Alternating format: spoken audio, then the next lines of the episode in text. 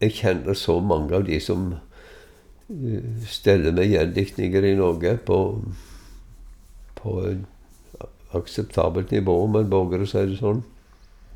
Det er ingen som ikke gjør det fordi de virkelig syns dette er viktig. Hei og velkommen til Litteraturhuset i Kristiansand sin podkast littkrs.no. I denne episoden vil du høre et intervju Erlend Vikne gjorde med Pål Helge Haugen en oktoberkveld i 2020. Erlend Vikne og Pål Helge Haugen er begge forfattere og gjendiktere. I dette intervjuet snakker de om viktigheten av gjendiktning, og intervjuet ble så langt og bra at jeg ikke fikk plass til det i én episode. Derfor er intervjuet delt inn i to deler. Dette er første del. God fornøyelse. Kan vi si Tror du at uh, Altså, I 1965 så ble vel de første innkjøpene gjort. Uh, og av det du har sagt til nå, så var det på en måte både uh, moderne, moderne poesi som, som, ble mulighet for å, for å få oversatt til norsk, men òg å få oversatt en del klassikerlitteratur. For det er gjendikta til norsk. Uh, er det en av disse typene litteratur som har kommet bedre ut av det nå, når vi, når vi er 55 år etter opprettelsen? Ja. Ja, altså I det hele tatt Da må vi utvide, ikke bare snakke om gjendiktning. Vi må snakke om det som er rimelig å snakke om. Gjendiktning og oversetting av klassikere det så jo ikke ut i Norge på det området eh, fram til begynnelsen av 60-tallet. Det var jo så store hull at, eh, at det var en skam, rett og slett. Og der har den selektive innkjøpet av eh, også prosabøker fungert veldig, veldig godt. fordi at eh, det er kloke kunnskapsrike folk som steller med dette. Eh, enten i, eh, direkte i eh, Kulturrådet eller i alle de utvalg som Kulturrådet knytter til seg. Det er jo så mye faglige utvalg omkring at det skulle borge for en virkelig holdbar kvalitetsvurdering. Og de har da forstått viktigheten av det og sett hva en del forlag kunne gjøre. Og så, eh, ikke minst imponerende er sånne forlag som Solum og Bokvenner, f.eks. Jeg tror ikke det fins noe, og medregna de store forlagene, som har tetta igjen flere hull i, i, norsk oversettelses- og gjendiktningslitteratur enn de, som er jo i utgangspunktet riktig småforlag. Eh, så hvem var villig til å gi ut Lawrence Stern, f.eks., på norsk? Tristram Shandy. Mm. Hvem var villig til å utgi Rabelais på mm. norsk? Jo, det var de. Og eh, en hel stripe av, av viktige eh, klassikere som liksom ikke ligger helt øverst oppe i bevisstheten, til og med hos folk som leser mye. Det har utvida så fantastisk mye den tilgjengelige eh, klassisk og klassisk moderne eh, litteraturen i, i, Norge at det er eh, det er helt ekstraordinært, altså. At, eh, at, det faktisk skjedde. Så nå er vi på høgden med det som har vært eh, grunnen til misunnelse fra vår side mot Sverige og Danmark, f.eks. Eh, det det lar seg ikke eh, overvurdere, egentlig. Og Samtidig er det også store hull. Det tok jo tid, f.eks., før vi fikk en komplett eh, Divina Comedia. Det er en professor i, i italiensk, som het Magnus Ulleland, som gjorde den første, den komplette. Eller den eneste komplette, egentlig. Den andre som delte opp i fragment. Eh, og den er helt uomgjengelig. Den, den, som vil sette seg inn i Dantes tenkemåte, så er den helt uomgjengelig. Den har ett problem, og det er at eh, den er fullstendig nøyaktig. Helt imponerende nøyaktig, men spesielt lesbar er den ikke. Eh, for den som er seriøst interessert i, i Dante, så er det en gullgruve. Det et fantastisk arbeid han har gjort. Men det er ikke poesi. Det er jo, kan du jo si, litt ugreit når Dante først og fremst var poet. Så Men det var jo enormt sprang. Og så kommer nå de nye deloversettelser av komedien de siste årene. Og det er bare det er fantastisk. Men det tok sin tid. Og hva har vi f.eks. når det gjelder La oss ta eh, homeriske eh, oversettelser. Det altså Det vi har av Odysseen, det er 100 år gammelt. Og da Dette fattige landet omkring eh, altså De to jeg taler om, det er da Peter Østbys fra 1921 og Arne Garboks og, og Steinar Schjøtz fra 1918. Nynorsk var først. Så um, De er så 100 år gamle. Og i dette fattige landet der har en anledning til å gjøre dette og få det utgitt. Mm. Så går det 100 år, og vi blir veldig mye rikere. Og så kan vi ikke få det til. Det, det fins riktignok en prosaomsetning som er en slags gjenfortelling av hva skjer så, og hva skjer da, og hva skjer deretter. Det holder jo ikke. Eh, men det er alt som fins. Så hvis noen vil seriøst lese om mer på norsk, så har de nesten ingen sjanse. Det, og, og, slik at det er fullt av, av hull. Det som, det som uh, ofte med, med gjendikting av klassikere plager meg, det er det at de blir så voldsomt ærbødige. De er så umåtelig høflige og veloppdragne. Det vi trenger, altså det motsatte. Vi trenger noe som herjer. Og uærbødige gjendiktninger. Det, det, betyr at du tar dem på alvor. Du, du trenger ikke en forsøk på å norskifisere en slags eh, klassisk eh, uttrykksmåte i alt og eit i, i selve den språklige filigranen. Men det du trenger, det er å ta stoppet på alvor lese det fra eh, Sett ifra, ifra vår side. Fins det et enestående eksempel på på engelsk. der er um, poeten Christopher Logue, som ikke kunne gresk, eh, arbeider med å oversette Iliaden til engelsk. Og basert på ord for ord-oversettelser. Og han ble jo da håna og utledd av ekspertisen de første årene. Han gav seg ikke. Bok etter bok etter bok etter bok om det. Han har holdt på med det i 35 år, kanskje. Og til slutt så regna rosen over ham fra alle sider, også fra de klassiske filologene. Løfter altså Homer inn i vår tid på en måte som er helt sjokkerende. Den, han rocker ikke alt, men den samlinga av det han rock av Iliaden, eh, kalte han war music. Krigsmusikk. Og eh, han plukker samtidshendinger og plasserer det inn i en, en uh, homerisk sammenheng, og omvendt. Og, og, du får en sånn svimmel følelse av at du ikke veit hva du er i tida.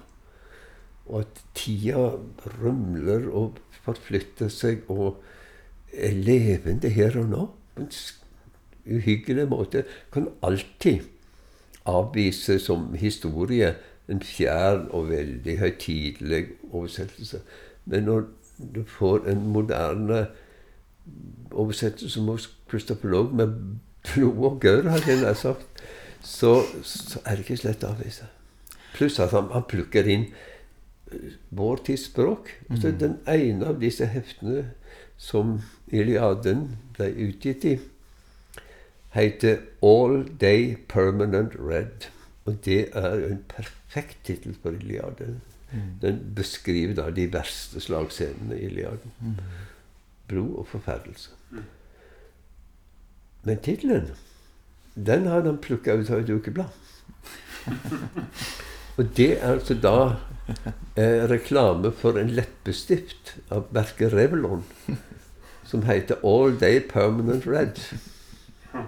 Så han da plukka en populærkulturell reklametekst og refunksjonert den inn i en sammenheng der den blir til noe helt annet. Det er skapende språkarbeid. Virkelig. Altså. Den type ting. Tenk hva du kan gjøre med Kunne ha gjort da med, med norrøn diktning. Mm. Bevare meg vel, altså. Og øh, jeg vet ikke om vi, om vi har gitt opp. Eller, det, det, begynte jo med en veldig berøringsangst i forhold til den norrøne pga. Øh, nazifisering av det. Men det burde jo være passert tid for lengst. Det er jo noen som har mm. prøvd. Uh, Erling Kittelsen. All er verdt. Det blir mer dialoger med, med dette, i stedet for at du herjer med, med grunnstoffet, på sett og vis. Og det, det fins jo mange no. know, Heiner Müllers uh, bearbeiding av klassiske uh, teatertekster i Tyskland, f.eks., som snudde opp ned på teatret på 60- og 70-tallet. Det er så mange eksempler, men det, det er ikke så mange av de som er norske. Dessverre. Jeg har eh, forberedt en liten eh, fem på rappen. Nå føler, nå føler jeg med på vei fra, bort fra politikken og over i, uh, i litteraturen og i kunsten omtrent. Jeg har forberedt en liten fem på rappen som en slags overgang til, til vår neste, neste bolk. Mm -hmm. hvor jeg skal stille deg fem spørsmål, og så ber jeg deg velge mellom et av alternativene, og så kan vi utdype etterpå. Først er Homer eller Dante? Du høres ut som som uh, Times Literary Supplement. De har en sånn greie gående. uh, ja Dante. Er det regnet med et annet svar? Ja. Odysseen eller Iliaden? Odysseen, definitivt. Calypso eller Klytamnestra? Ja, interessant. Eh, Klytamnestra. Østby eller Garborg? Enda det nesten Garborg. Messinastredet eller Storstraumen? ja, den er fiffig. Eh, Messias-drevet. Du Du gir snart ut i første bok med gjendikta lyrikk på 20 år, omtrent. Ja, jeg husker ikke hvor lenge det var siden. um, og da uh, dreier det seg om ei bok av den britiske poeten Alice Oswald, som uh, har den engelske tittelen 'Nobody'. Mm. Jeg lurte på om du kunne fortelle litt om Oswald og hos sin poesi, og om hvorfor disse tullete spørsmålene mine eh, kanskje kan unnskyldes med å ha en viss relevans? Ja visst har de relevans, for all del.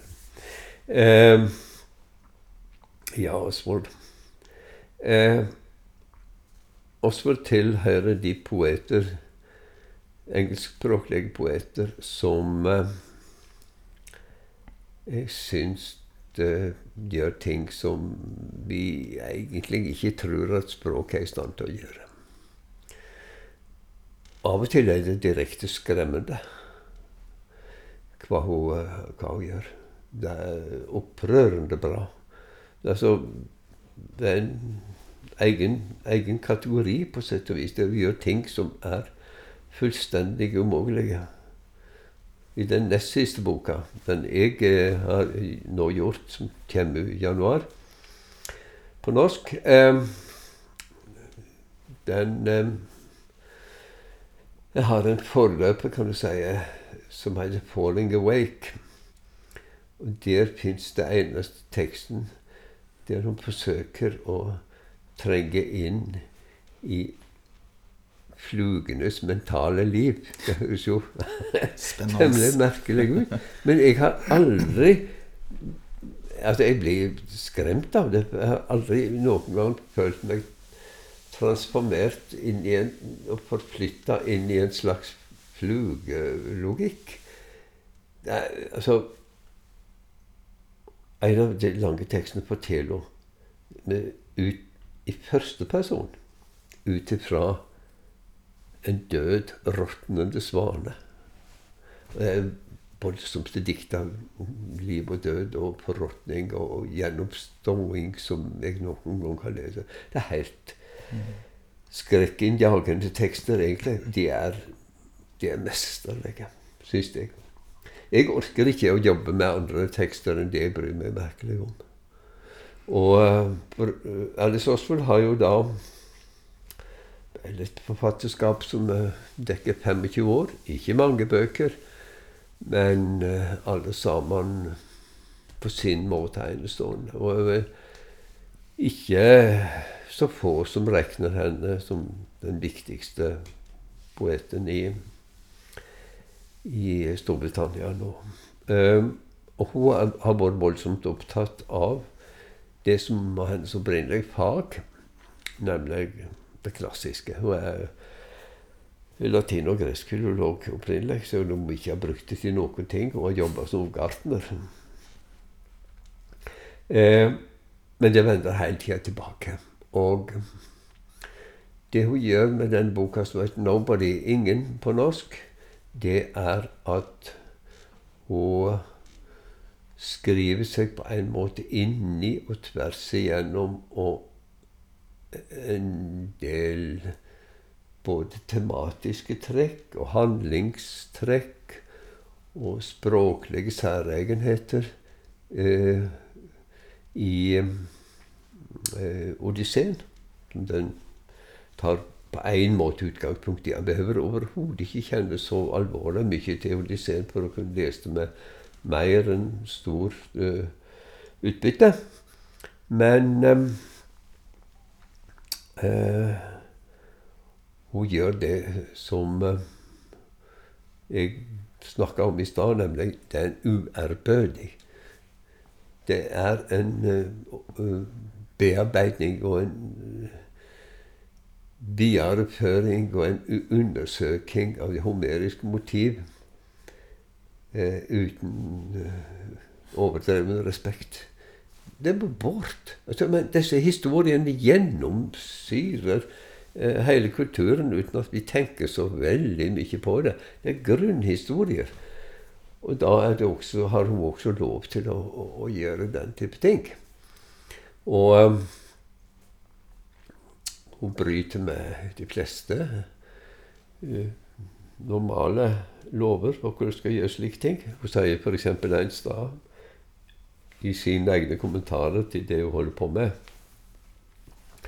over lengre tid, det at hun her har ikke spesielt interesse for å jobbe bare med en type skrift der grammatikken skal få lov å slå seg til ro. og, og, det oppfyller hun. Eh, det er eh, Det er samtidig og arkaisk å snur opp ned på hodet ditt når du, når du leser. Og hun sier at prøver, sier Alice Oswald, å lære av den homeriske tenkemåten, som hun oppfatter helt annerledes av en moderne tenkemåte. Altså, vi forestiller oss at vi tenker inni skallen, sier Alice Oswald, men i den homeriske teksten virker det som tanken er ute i verden, og ikke inni skallen. Og, og det gjennomstrømmer da hennes uh, skrivemåte og tenkemåte og hennes arbeid med klassikerne. Og jeg har aldri i mitt liv vært borti noe som har vært så vanskelig. Det er helt morderisk vanskelig. På hvilken måte da? Alle. Absolutt alle. Eh, finne ut Kan jeg klare å realisere denne her morderiske stilen hennes på norsk? På alle nivåer. Fra det leksikalske til det syntaktiske, til referansene, til ekkoene. Det skal være et ekkorom der, en, der eh, klassiske referanser skal bare danne en slags ekko mm. inni eh, i teksten. Og ikke akkurat hentes opp og gjøres stort nummer av. Men det er ekkoer hele tida. Hvordan i alle dager klarer du å hente ut det? Så jeg visste jo det skulle bli ille, men det er som med alle andre ting at det blir mye verre enn det en tror. Og hvis han hadde visst hvor ille det var, så er det vel veit ikke om han hadde begynt på det. Men uh, samtidig så føler jeg en slags forpliktelse til å gjøre det, for jeg syns det er så bra. Og på det at hun representerer de tingene som jeg syns gjør poesien til en viktig sjanger som bare poesien kan gjøre. Den totale vrenging av språket som allikevel er fullt lesbar, og som kom ut med med eh, en eh,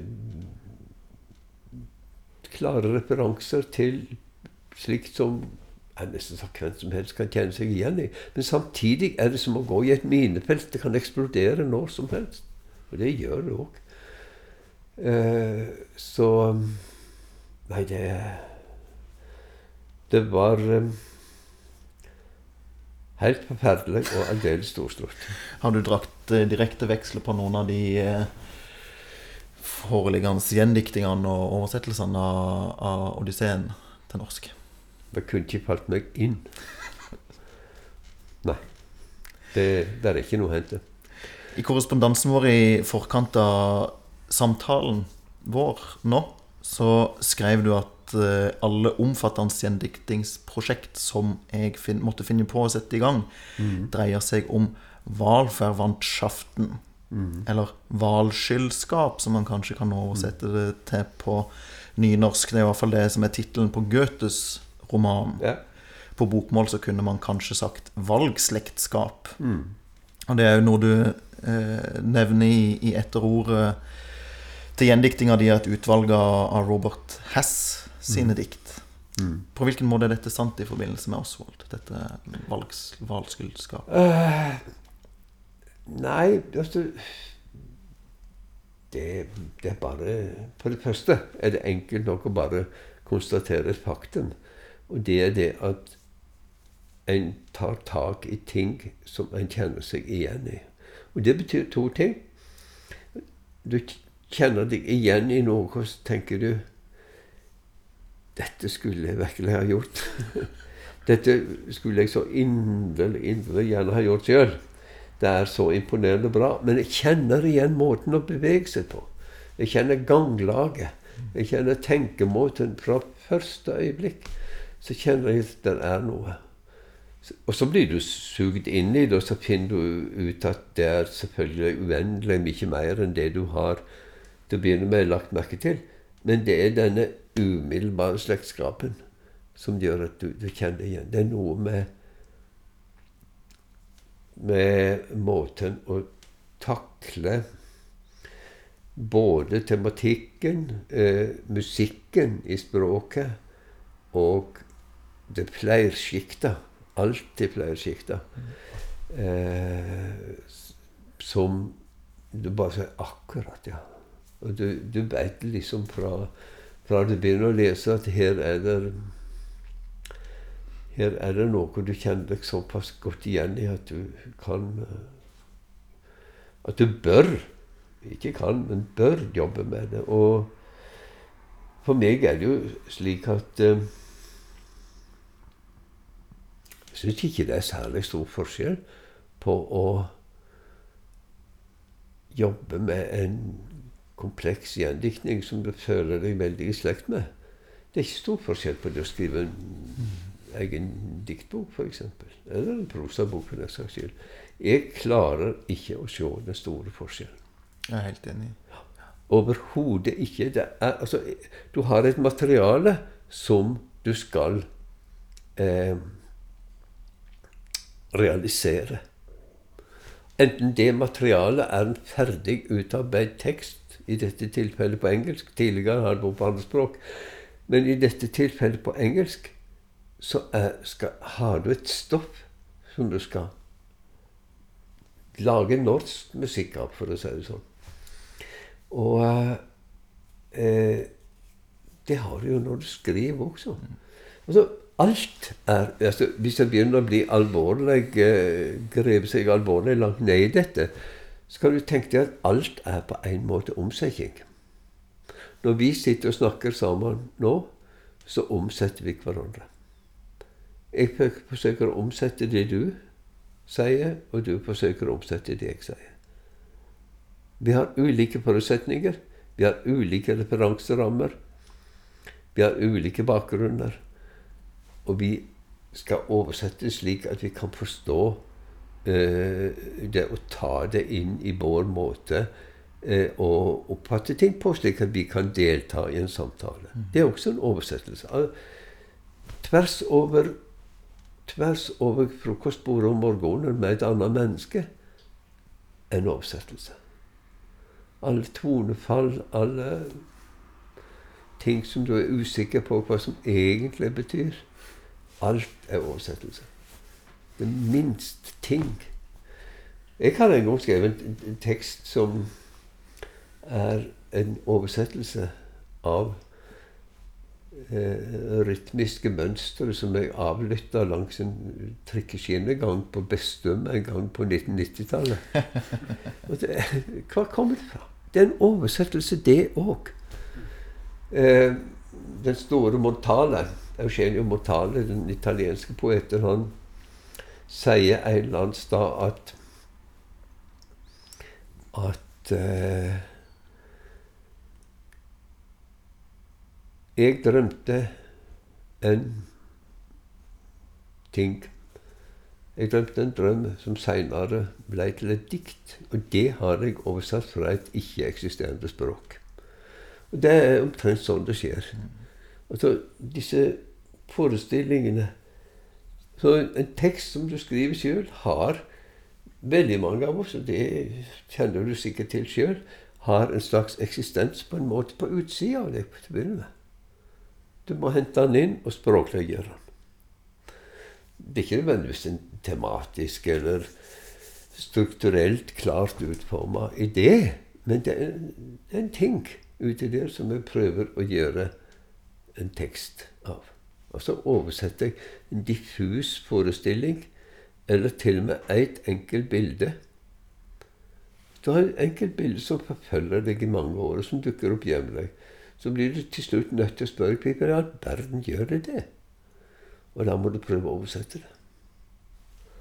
Psykoanalyse er oversettelse. Alt er på det nivået oversettelse. Og det gjelder jo i, i, i litteraturen overhodet også, hvis, hvis, den er noe annet enn en slags innesnødd uh, litteratur som syns at en skal ikke bevege seg så langt ut forbi tregrensa, så, så er det også en stor oversettelse. Det er Octavio Paz sier en sted at det er oversettelser av oversettelser av oversettelser. Og slik går det videre. utvides, bli bedre, bli annerledes, bli samtidig.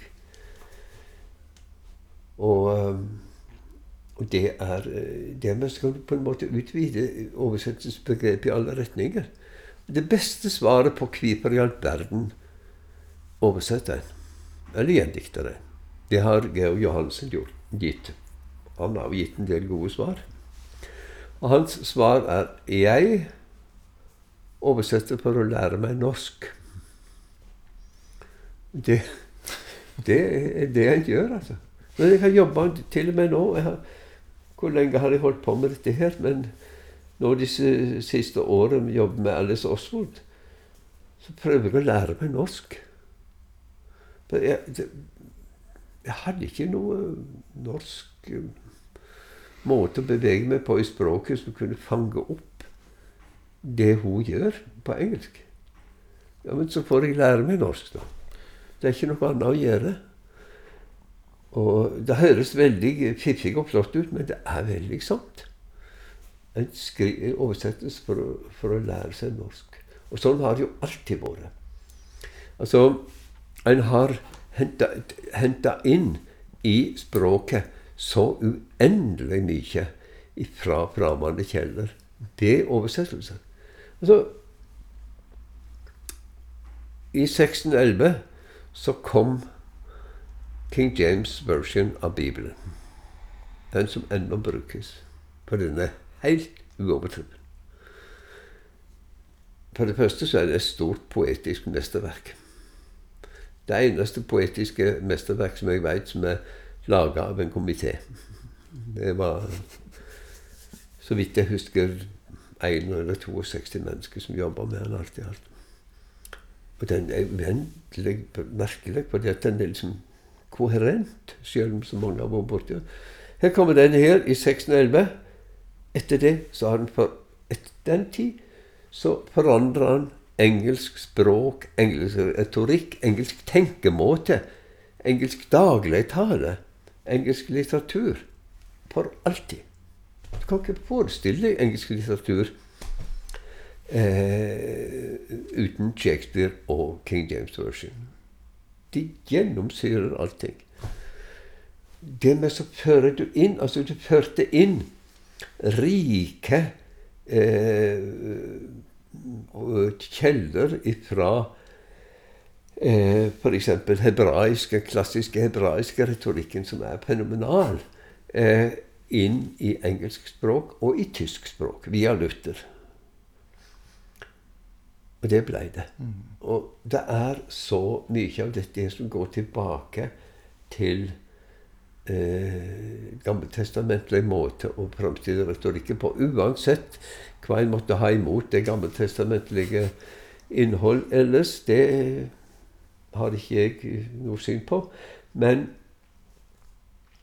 men eh, retorikken mm. Måten å takle verdens språklig på. Altså, altså, hva, er, hva, i all verden er oversettelse utenfor språket? Eh, det, Jeg kan jo si at hva er oversettelsen av et ord? Det er et annet ord. Hva er oversettelsen av en setning? Det er en annen setning. Det, det går aldri ut over de der språklig eh, det området som kan bli temmelig lukka hvis du ikke prøver å åpne opp imot en eh, konkret verden på en annen måte. For eksempel, det kan også gjøre rytmisk klangleg, f.eks. Og eh, det er jo noe av det som de fleste eh, gjendikere som mislykkes, mislykkes med. Og det å kunne hente opp dette her utseiingselementet som ligger i det musikalske. Det er meningsbærende. Og øh, den, den, store amerikanske prosessen prosaisteksperimentatoren William H. Gass, som var en kontrær figur på de fleste områder, han, han sier en stad at de som ignorerer det rytmisk-musikalske i en tekst, det er enten eh, moralister med øyro av bly, sier han, eller det er eh, budskapsinnsamlere. Og det, det er en helt sjikt i, i litteraturen som blir bort på den måten. Og det er det som er det store faren også ved, ved gjendiktninger. Og oversettelser i det hele tatt, for all del. Eh, det er det at originalteksten kan være full av rynker og, og krøller. Og så henter du strykejernet ditt, og så stryker du over det. Så blir det fint og glatt og ser veldig bra ut tilsynelatende. Og så kan det være helt dødt. For det mangler den der krøllinga og friksjonen og avviket som ligger i eh, I det som ikke er slett og greit og i vater. Det, god litteratur er ikke alltid vater. Den er skeiv og merkelig, og, og, det er det som gjør den til gjør den verdifull. Jeg mener, vater kan vi alle bruke. Det er veldig lett. Men krølle på en spennende måte, på en åpnende måte, det kan vi, kan vi ikke, ikke, ikke gjøre alle sammen. Eh, og det, det, skal så lite til. Jeg var, uten å ta den lange historien, så var jeg en gang på en sånn amerikansk-norsk poet- og gjendiktningsmøte i, i, New York. Og Guggenheim-museet til og med. Og da satt vi og skulle diskutere dette. Og da stilte vi med arbeidsprøver og sånt. Og, og alle, alle, i sånne situasjoner er utrolig vennlige med hverandre. fordi at alle vet hvor vanskelig det er. Så ingen, ingen er ute etter å psyke hverandre ut. Men en av de som drev dette, var en som har eh, Jeg har vært med og gjendikta til norsk, og som har gjendikta meg òg. Eh, Robert Bligh. Eh, og han hadde tatt for seg noe av det vanskeligste du kan gjøre, en av de Orfeus-sonettene til Rilke. Og det så helt fint ut. Men ingen av oss syntes det var bra. Og ingen av oss syntes det var en god gjendiktning. Men det var ikke noe galt. Det var helt, helt kapabelt. Og alle lurte på å komme med forslag, og det ene mer dødfødt enn det andre på hva kan jeg gjøre? Nei, ingenting fungerte. Til slutt så tok Blei opp arket, krøllende sammen, så sa han There is something lacking here. It is probably the meaning. Så heiv han det i eh, papirkorga til Guggenheim, og så fortsatte vi med noe helt annet. Mm. Altså, For de fleste høres det ut som et absurd utsagn. Alle eh, såkalte meninger, alt innhold var der. Og likevel var det det ikke. Så hans utsagn forsto alle som jobber med sånne ting. Something was lacking. And it was the meaning. Til tross for at alt var bra. Mm. Og da så, så lager du en, en dødfødt eh, gjendiktning eh, hvis du ikke har denne, disse her eh, lagene som lever og, og pulserer ved sida av om, omkring teksten, og som gjør at den, at den er noe mer enn den påstått.